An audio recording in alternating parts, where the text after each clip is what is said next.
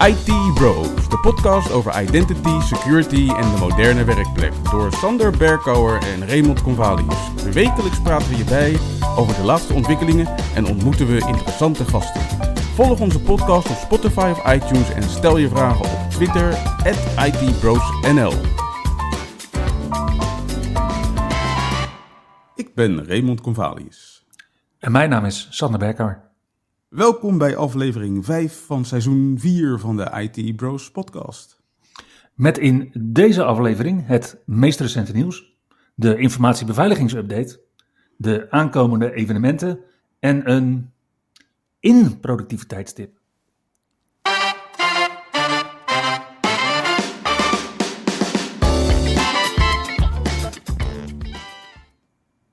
Na het feestgedruis in de maand december en natuurlijk alle nieuwjaarsborrels van januari, pakken wij ook weer het vaste stramien op in onze podcast. En dus, Ray, beginnen we met Windows Insider Nieuws. Ja, nou ja, goed. Ik zei het vorige week al, het was uh, een tijdje angstig stil geweest in het Canary Channel. Mm -hmm. En dat had een reden, want uh, het Canary Channel was blijkbaar bezig met iets nieuws. Daar hebben ze tijd voor genomen. En vlak nadat we klaar waren vorige week, toen kwam die hoor. Canary Build nummer 26040. Laat ons niet langer in spanning, Ray. Wat is er nieuw? Nou, ik denk dat we deze Canary Channel Build de Labs Edition kunnen noemen. Oké. Okay. Oftewel de Local Admin Password Solution. Windows Labs werd zwaar onder handen genomen. Nou, daar werd ik ook op geattendeerd door onze vriend van de show Rudy Ooms op LinkedIn. Die was helemaal, helemaal happy. Ja.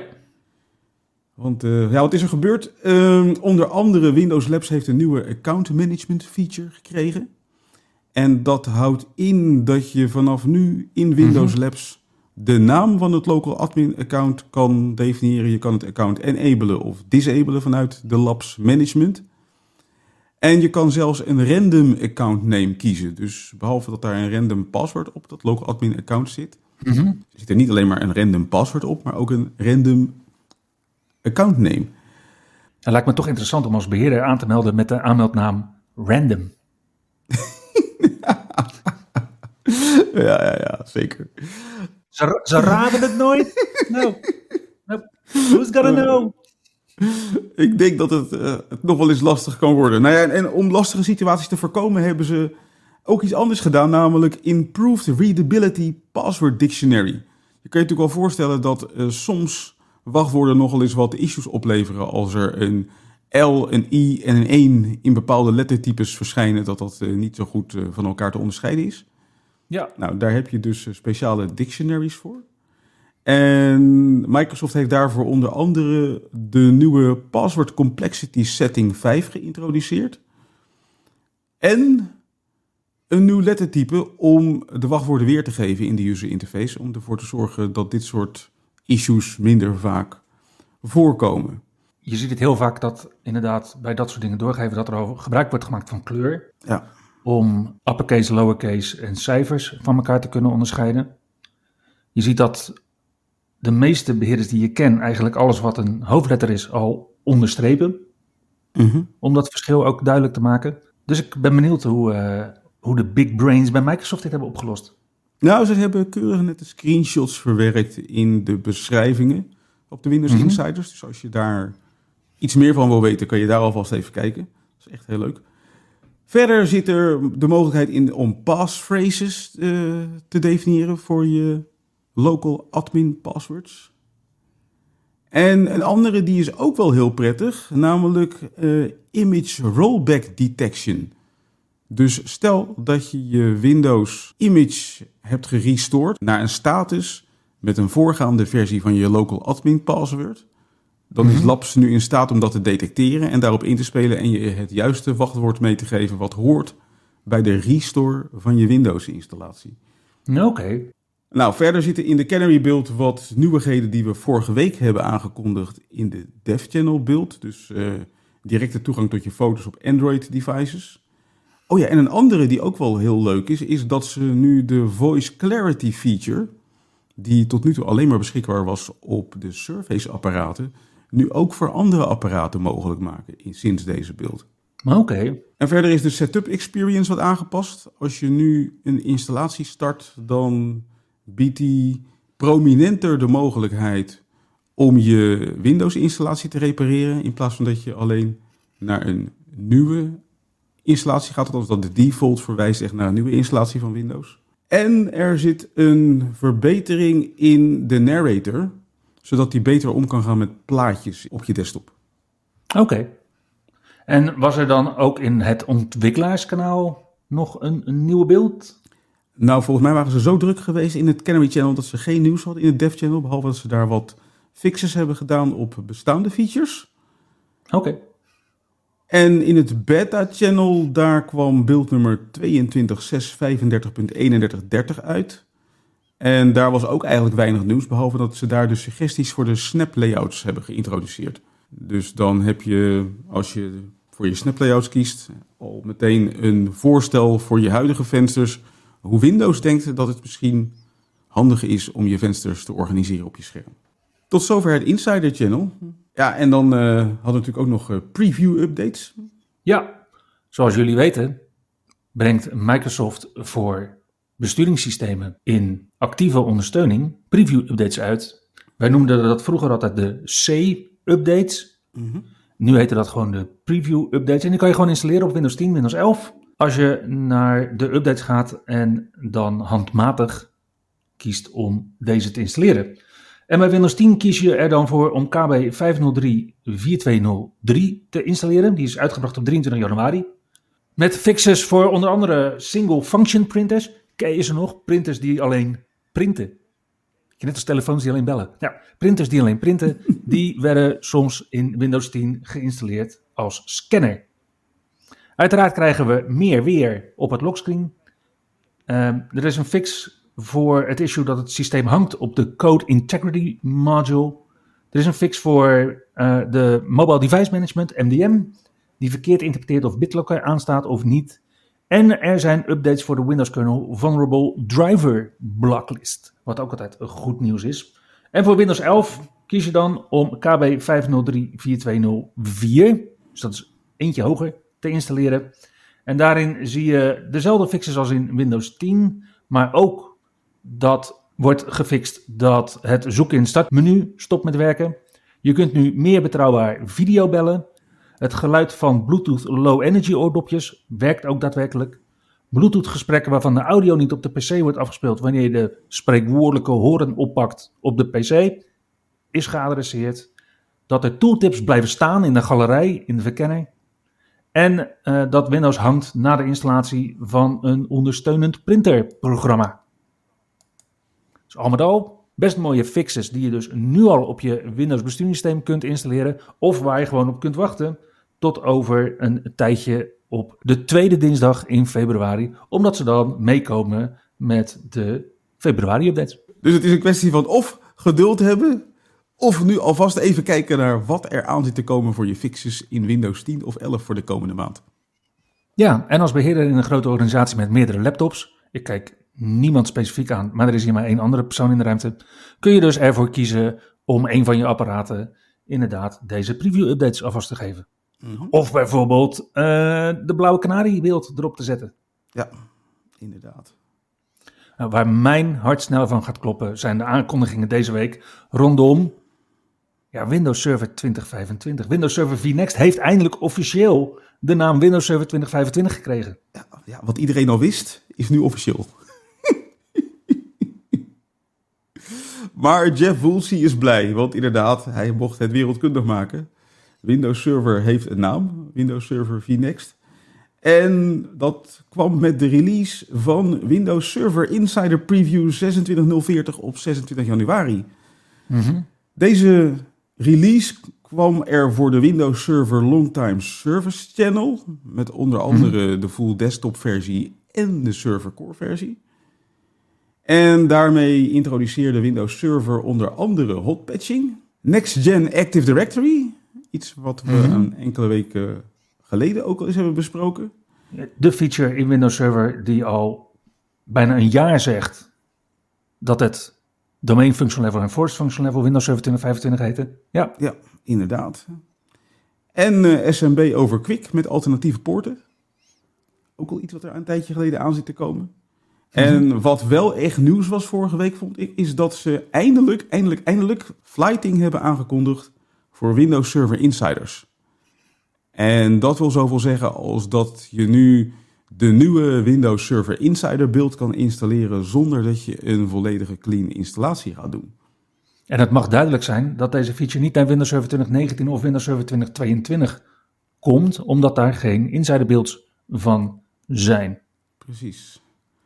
Nou, verder zie je ook wat eh, desktop functionaliteit richting de server komen. Dus ja, voor iedereen die nog uh, uh, Windows Server als terminal server durft in te zetten. ja, dus zo zie je bijvoorbeeld de e-mail en accounts opduiken, zoals in Windows 11. Verbeterde ondersteuning voor Bluetooth-apparaten. Ja, dat is mhm. misschien ook wel welkom. En de Wi-Fi Wireless LAN Service is by default enabled. Oké. Nou, deze nieuwe build is te downloaden voor alle geregistered, ofwel geregistreerde insiders. Die kunnen naast dat ze flighting kunnen doen, ook gewoon de ISO en de VHDX images downloaden. Vanaf de Windows Server Insider Preview download page. En net zoals bij Windows 10 en 11 kunnen we verwachten dat ook voor Windows Server er straks verschillende channels aangekondigd worden. Dus wie weet dat we straks met de Windows Server 2025 Canary Channel aan de slag gaan. Wauw. Ook nieuw sinds deze week is Edge 121 en specifiek versie 121.0.2277.83. Dus als je wil controleren of jij deze beeld al hebt, moet je naar dat nummertje specifiek kijken. En in deze versie zien we dat het voor Edge for Business mogelijk wordt om je eigen branding, oftewel je eigen look en feel in Edge toe te passen. Daarnaast is er nu ondersteuning voor AVIF en AV1 bestandsformaten. Is er een E-tree in de wallet voor Microsoft Personal Accounts. En zijn er nieuwe website typo protection policies. Ondertussen bleven de veranderingen niet alleen komen voor Microsoft, maar ook Apple is uh, druk bezig. Nou ja, Apple is natuurlijk onder druk van de EU al allerlei veranderingen aan, door, aan het doorvoeren. Mhm. En de belangrijkste veranderingen zitten er aan te komen in iOS versie 17.4. Die we over niet al te lange tijd mogen aanschouwen. En daarbij komt onder andere de Apple Store aan de, aan de beurt. Want uh, ja, natuurlijk een van de grote klachten van de ontwikkelaars is dat ze daar ja, nogal een stevige afdracht doen op hun inkomsten. Van om en bij de 30% meen ik. En die gaat omlaag naar 10 tot 17% wanneer je gebruik maakt van een alternatief afrekensysteem. Als je alsnog kiest voor het afrekensysteem van Apple, komt daar 3% bovenop. Alleen als jij een populaire app hebt die meer dan een miljoen downloads genereert, mhm. dan moet je per applicatie-installatie nog eens 50 cent afrekenen richting Apple. Oké. De store, die tot nu toe altijd van Apple is geweest, daar worden nu ook alternatieven voor mogelijk. Mhm. Alleen heeft Apple wel gezegd van nou hartstikke leuk zo'n alternatieve App Store. Maar Apple wil wel controle houden over wat je aanbiedt in die alternatieve store. Dus hoe ze dat precies willen gaan vormgeven, weet ik nog niet. Maar Apple blijft daar wel een zekere vinger in de pap houden. Nou ja, ondertussen waren ze bij Spotify natuurlijk al lang niet meer blij hoe Apple dingen aanpakte. Want onder andere daardoor kon Spotify geen abonnementen aanbieden vanuit de app. Mhm. En dat gaan ze vanaf nu dus wel doen. Dus ze hebben al aangekondigd dat ze binnenkort het mogelijk gaan maken om in, om in app, in Spotify, abonnementen af te gaan sluiten en dat af te rekenen via het afrekensysteem van Spotify. Epic, ook wel bekend van uh, Fortnite, die zijn van plan om een eigen store te openen. Ja. Dus ook daar gaat van alles gebeuren. Ja, en Apple uh, ja, die is druk bezig met natuurlijk de lancering van uh, die iOS versie 17.4. En daarvan is inmiddels ook de eerste beta beschikbaar gekomen. Dus je kan het al gaan uitproberen. Ja, voor app-ontwikkelaars verandert er ook nog een en ander. Want daar was het sinds 2017, meen ik, verplicht om Sign-in with Apple ook beschikbaar te stellen binnen je applicatie. En die verplichting die komt vanaf nu te vervallen. Nou, ik zei net al dat eh, iOS versie 17.4 eraan zit te komen. En die eerste beta is er dus. En daar komt iets nieuws in, wat ik eigenlijk meteen wel heel interessant vond. Namelijk automatisch gegenereerde transcripts voor podcasts. Ja. Dus wat gaat Apple doen op het moment dat een podcast beschikbaar komt op het platform? Dan worden er uh, automatisch transcripts voor gegenereerd. En die kan je vervolgens als transcript zeg maar gaan zitten lezen in plaats dat je de podcast luistert. Maar je kan ook de podcast luisteren en hem dan een soort van, van ondertiteling laten voorzien, waarbij de user interface van Apple gewoon telkens het woord highlight wat gesproken wordt in de podcast. Ja, en dan heb ik eigenlijk gelijk twee vragen. Uh, en de eerste vraag is natuurlijk, wordt dat voor onze moedertaal Nederlands dan al ondersteund in Apple Podcasts? Helaas, helaas. In eerste instantie gaat Apple hier alleen Engels, Frans, Duits en Spaans ondersteunen. En mijn tweede vraag is dan natuurlijk: stel dat onze podcast op Apple Podcasts natuurlijk in zijn transcript allemaal fouten kent, kunnen we die dan ook corrigeren eventueel? Ja, die optie komt erin. Dus je kan, je kan zowel je eigen transcripts uploaden. Dat kan dan geloof ik als mhm. SRT onder andere. En je kan ook de transcripts zoals ze gegenereerd zijn door Apple corrigeren, zodat je alle fouten eruit haalt voordat deze bij de luisteraar terechtkomen. Oké. Maar goed, ik, ja, het zal nu niet gelijk voor ons gebeuren, maar ik heb wel goede hoop dat we over niet al te lange tijd ook transcripts bij onze IT Bros podcast gaan krijgen. Gaaf. Moeten we alleen wat meer Engels gaan spreken, ben ik bang. I guess so. Ben jij fan van passkeys en vraag je je af wanneer je deze nou eindelijk eens kunt gebruiken in combinatie met X, voorheen Twitter? Dan is er goed nieuws, want als jij Twitter gebruikt als iOS-app, dan kun je daar nu je passkeys in gebruiken. Omdat Ray en ik samen de Twitter van IT Bros delen, was dit nogal een uitdaging met passkeys, maar gelukkig heeft X daar ook een oplossing voor. Je kunt namelijk met Delegate je passkey delen. Inderdaad. Ja, ondertussen wordt dus de veiligheid van onder andere X verbeterd door nu met de passkeys aan de slag te gaan. Bij de mm dienst toeslagen hebben ze toch maar even gewacht met het verbeteren van hun uh, inlogmogelijkheden. Want daar hadden ze ooit aangekondigd dat per 1 januari dit jaar multifactor authenticatie zou worden verplicht. Ja, of in ieder geval het multifactor authentication, authentication level assurance niveau MFA. Ja. Oké. ja, want in principe doe je met je DigiD natuurlijk niet echt MFA. Tenzij je natuurlijk bijvoorbeeld de DigiD-app al gebruikt, dan is het gekoppeld aan je apparaat en doe je het eigenlijk al. En nu is het zo dat de dienst toeslagen dat dus niet vereist dat je nog steeds, uh, dus kun je nog steeds uh, je toeslagen inzien en wijzigen en op, eventueel opzeggen als je dat wil en de Nederlandse staat wil helpen. Door alleen aan te melden met gebruikersnaam en wachtwoord. Ja, ja, ik vind het een beetje jammer, moet ik eerlijk zeggen. Ja, het is niet verplicht, maar je kunt het wel doen, hè? Ja, ja, ja ik snap het. Maar goed. Uh, hmm. Ja, en kijk, als je Kijk, als je gaat kijken naar de grootste toeslagen die we in Nederland hebben, dan zijn er een aantal toeslagen die vooral bij groepen mensen terechtkomen die beperkte digitale vaardigheden hebben. Denk aan 55-plussers. Ja, dat ben jij ook, uh, Ray.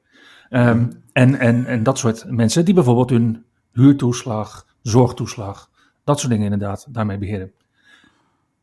En dat is niet het enige, want wat je dus ook ziet is dat het ministerie van Binnenlandse Zaken en Koninkrijkrelaties en Loogjes het gewoon nog steeds niet voor elkaar hebben om goed te machtigen. Ja, dat blijft inderdaad een één groot drama daar.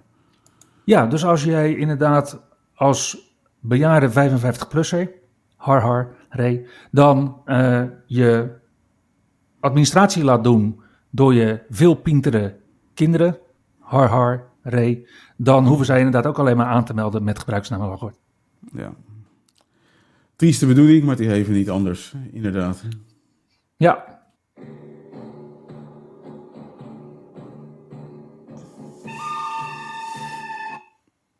Ja, mensen, we gaan het over domeinnamen hebben. En dat is deze week letterlijk the good, the bad en the ugly. En ook in die volgorde ga ik hem even afbellen. Want er is heel veel goeds deze week gebeurd met betrekking tot domeinnamen. Want sinds 2020 is er een uh, speciale uh, commissie, dat is de Security and Stability Advisory Committee van het ICANN, de beheerder van alle wereldwijde domeinnamen, mm-hmm. bezig om te kijken hoe we dat nou het beste kunnen doen qua DNS top-level domeinnaam voor interne netwerken. Nou, en de voorlopige keuze die ze hebben gemaakt, uit 35 mogelijke domeinnamen die daarvoor uh, waren gebrainstormd, is .internal. En tot, tot kort was die keuze nog tussen .private en .internal, maar .private is afgevallen omdat daar toch ook stiekem een beetje van uitging dat er privacywaarborgen zijn als je een .private gebruikt. En dat is er natuurlijk helemaal niet. En dat domein is afgevallen omdat het ja, voor zakelijke organisaties wel, ja, wel klopt. Maar voor thuis, ja, voor thuis heb je al, heb je al een, een, een punt LAN of een punt D-link of een, dat soort ding. Ja. Dus nu is de voorlopige keuze gevallen op dot internal. En daar moet de Raad van Commissarissen van ICANN uh, dan nog eventjes op aftekenen. En dat is nog niet gebeurd. Maar je kunt er wel al mee aan de slag. En ik denk dat dat een goed ding is. Want er zijn nogal wat DNS-beunhazen geweest in het verleden. die niet al te snuggere interne domeinnamen hebben geregistreerd voor hun Active Directory-omgevingen, bijvoorbeeld. Dit, dit echt, this brings back memories, uh, Sander. Ja, ja. En dan ga ik, echt uh, terug naar 1999, hè? Yep. Microsoft biedt nu duidelijke handreikingen dat je inderdaad je domeinnaam gebruikt die je buiten gebruikt, of daar een subdomein voor. Mhm. Bijvoorbeeld internal.klant.nl mhm. of gewoon klant.nl. En daar kun je dus nu inderdaad uh, klant.internal voor gebruiken als je verwacht dat je bijvoorbeeld nooit gebruik zult gaan maken van internet, e-mail of clouddiensten. Want anders zit je weer vast aan het gesteggel met user principal name suffixes in Active Directory, zoals zoveel organisaties doen. En zo kan ik me ook nog herinneren dat ik een uh, sessie gaf op Ignite in de VS uh, over hybrid identity do's en don'ts.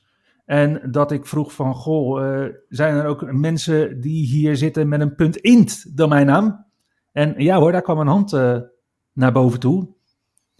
En ja, dat zijn toch echt domeinnamen die ook op het internet geregistreerd kunnen worden. En als dan je routering niet helemaal soepeltjes loopt, dan gaat zo'n iemand met kwaadwillende bedoelingen uh, best wel wat verkeer langs krijgen wat mogelijk voor jou intern had moeten blijven. Want .int kun je registreren als jij een international organization bent. En prijzen daarvan beginnen bij, uh, ik geloof dat ze bij 60.000 euro per jaar beginnen voor .int. Dus ja, als je dat zou willen blijven doen uh, met het internet, dan moet je diepe zakken hebben. Oké. Nou, hoeft dus niet meer. Want je kunt dus nu gewoon gebruik maken van punt internal. Ja. Gaan we dan kijken naar de bad, dan zien we dat de Stichting Internet Domeinregistratie Nederland, bij het grotere publiek bekend als SITN, ja. zijn domeinregistratiesysteem vanuit de twee datacenters in Nederland naar Amazon AWS wil verplaatsen. Mm. Nu ondersteunt dat domeinregistratiesysteem, genaamd Fury, een van de kerntaken van SITN. Maar er zijn er natuurlijk meer, want SITN doet ook bijvoorbeeld de .aw naast de .nl domeinnaam uh, beheren. En .amsterdam. En daarnaast zijn ze ook sinds vorig jaar natuurlijk heel erg bezig met de Yivi Identity Wallet. Ja. En dan doen ze natuurlijk ook nog de .nl nameservers hosten. En dat, gaat dus allemaal gaan, dat zou dan dus allemaal gaan naar AWS? Ja, als we Luke Bakker mogen geloven, dat is de nieuwe CTO bij CitN, dan gaat op termijn de gehele ICT-omgeving naar Amazon AWS.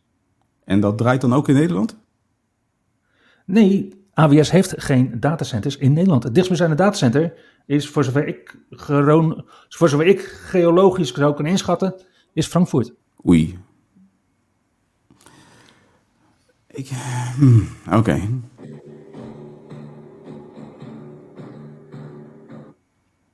En dan komen we bij de ugly. Want ja, jij bent niet de enige met reserveringen op dit gebied, Ray. Want de hele Dutch Cloud Community, dat is een koepel van Nederlandse hosting providers, komt in verweer. Ja, ik kan me er iets bij voorstellen. Ja, ik geef ze ook, uh, ik geef ze ook uh, groot gelijk. En de vraag die we daar omtrent dus moeten gaan beantwoorden, is of werelds eerste land domein topniveau naam naar de cloud toe gaat of naar de klote gaat.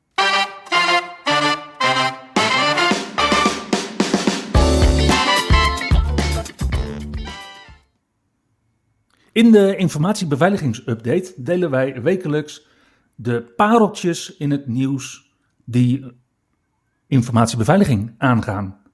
En vorige week hadden we daar natuurlijk al de hack van Microsoft door Midnight Blizzard. En vandaag hebben we het over HPE. Ja, want HP had gewoon dezelfde hackingorganisatie op zijn dak. Dus weer Midnight Blizzard, ook wel bekend als Nobelium of Cozy Bear. Alleen lijkt het erop dat deze al langer binnen waren bij HP dan bij Microsoft. Mhm. Bij HP hebben ze vorig jaar op 12 december ontdekt dat er iets mis was. Bij Microsoft gebeurde dat een maand later, op 12 januari. Ja, En naar het schijnt waren deze hackers al maanden binnen bij HP. En waarbij, waarbij ze onder andere de e-mailaccounts van het cybersecurity team, eh, voor verschillende bedrijfssegmenten en diverse andere functies eh, ja, hebben kunnen benaderen en de data daar vandaan hebben kunnen halen. En het vermoeden is dat dit gerelateerd is aan een eerdere activiteit van diezelfde groep, waarbij vorig jaar in mei een aantal bestanden uit SharePoint waren, ge- waren gestolen. Dus eh, ja, het was niet alleen Microsoft wat te pakken is genomen, maar eh, HPE is dus eh, misschien nog wel harder slachtoffer geweest. In het geval van HP ging het overigens ook om Exchange Online. ja. En als je je afvraagt, wie zijn dat nou, die jongens en meisjes van Midnight Blizzard? Die kun je misschien ook als UNC 2452, Nobelium of eigenlijk de originele naam, Cozy Bear. En dit is inderdaad een Russische bier. Inderdaad. Mocht je je afvragen hoe die staatsgevaarlijke mensen toch toegang hebben gekregen tot mail en SharePoint, dan is het antwoord daar eigenlijk heel kort op via OAuth apps. Dus via Enterprise Applications en App Registrations in Entra ID. Dat is toch wel een, een opening waar al enige tijd voor wordt gewaarschuwd. Ja, maar wat je ziet is dat met de standaard Microsoft tooling dat toch lastig is om onder controle en inzichtelijk te maken. En dat dus ook Microsoft's Application Governance feature in de E5 suite wel iets biedt, maar toch niet genoeg biedt om dit het hoofd te bieden. Gezien zelfs Microsoft op deze manier te grazen wordt genomen. Ja, En dan kunnen we wel smalend lachen om Microsoft en, en HP Enterprise, die worden gehackt. Maar we kunnen ons ook afvragen wat er toch aan de hand is bij Ivanti. Want dit bedrijf heeft nu de teller op twee kwetsbaarheden staan die in het wild worden misbruikt. De eerste kwetsbaarheid die in het wild eh, werd misbruikt is al sinds 12 januari bekend en is Ivanti aan het dichten. Daar zijn nog niet alle updates van voor uitgekomen. En Ivanti waarschuwt nu ook dat de eerder aangegeven maatregelen die de feature uitzetten niet, niet afdoende zijn. oei. En, en bij het onderzoeken en adresseren van die eerdere twee lekken, dat zijn E CVE 2023 46805 en E CVE 2024 21887 in de Policy Secure Gateway, dat zij nog twee kwetsbaarheden hebben gevonden, namelijk E CVE 2024 21388 en 21890 drie, waarvan die laatste ook al actief wordt misbruikt. Dus als je iets doet met uh, Avanti Policy Secure Gateway. Ja, of nog refereert aan Ivanti Pulse Secure, want dat was de vorige naam. Dan uh, extra opletten de komende tijd. Ja, en updaten. Waarbij Ivanti aanraadt om de gateway eerst naar de fabrieksinstellingen te resetten voordat je de update toepast. Zo. Dus wees je ervan bewust dat dit niet een kwestie is van een appliance even vijf minuten laten rammelen, maar dat je waarschijnlijk ook de gehele configuratie weer opnieuw moet doen.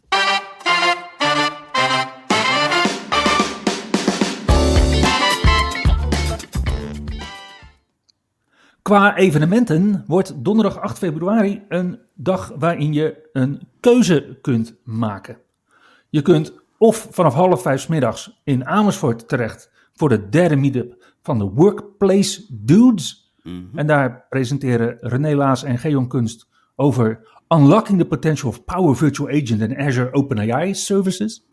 Naar Oktay Sari, Mastering macOS Management met Microsoft Intune.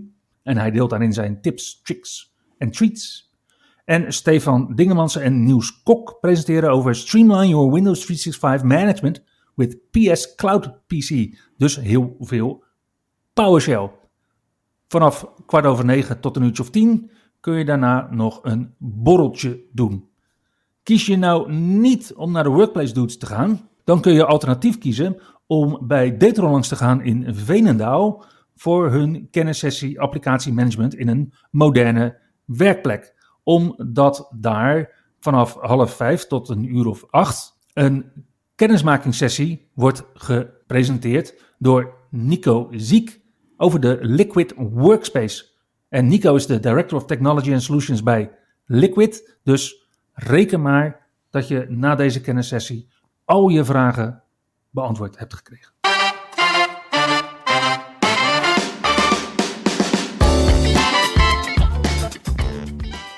Hey Ray, wat is de productiviteitstip deze week?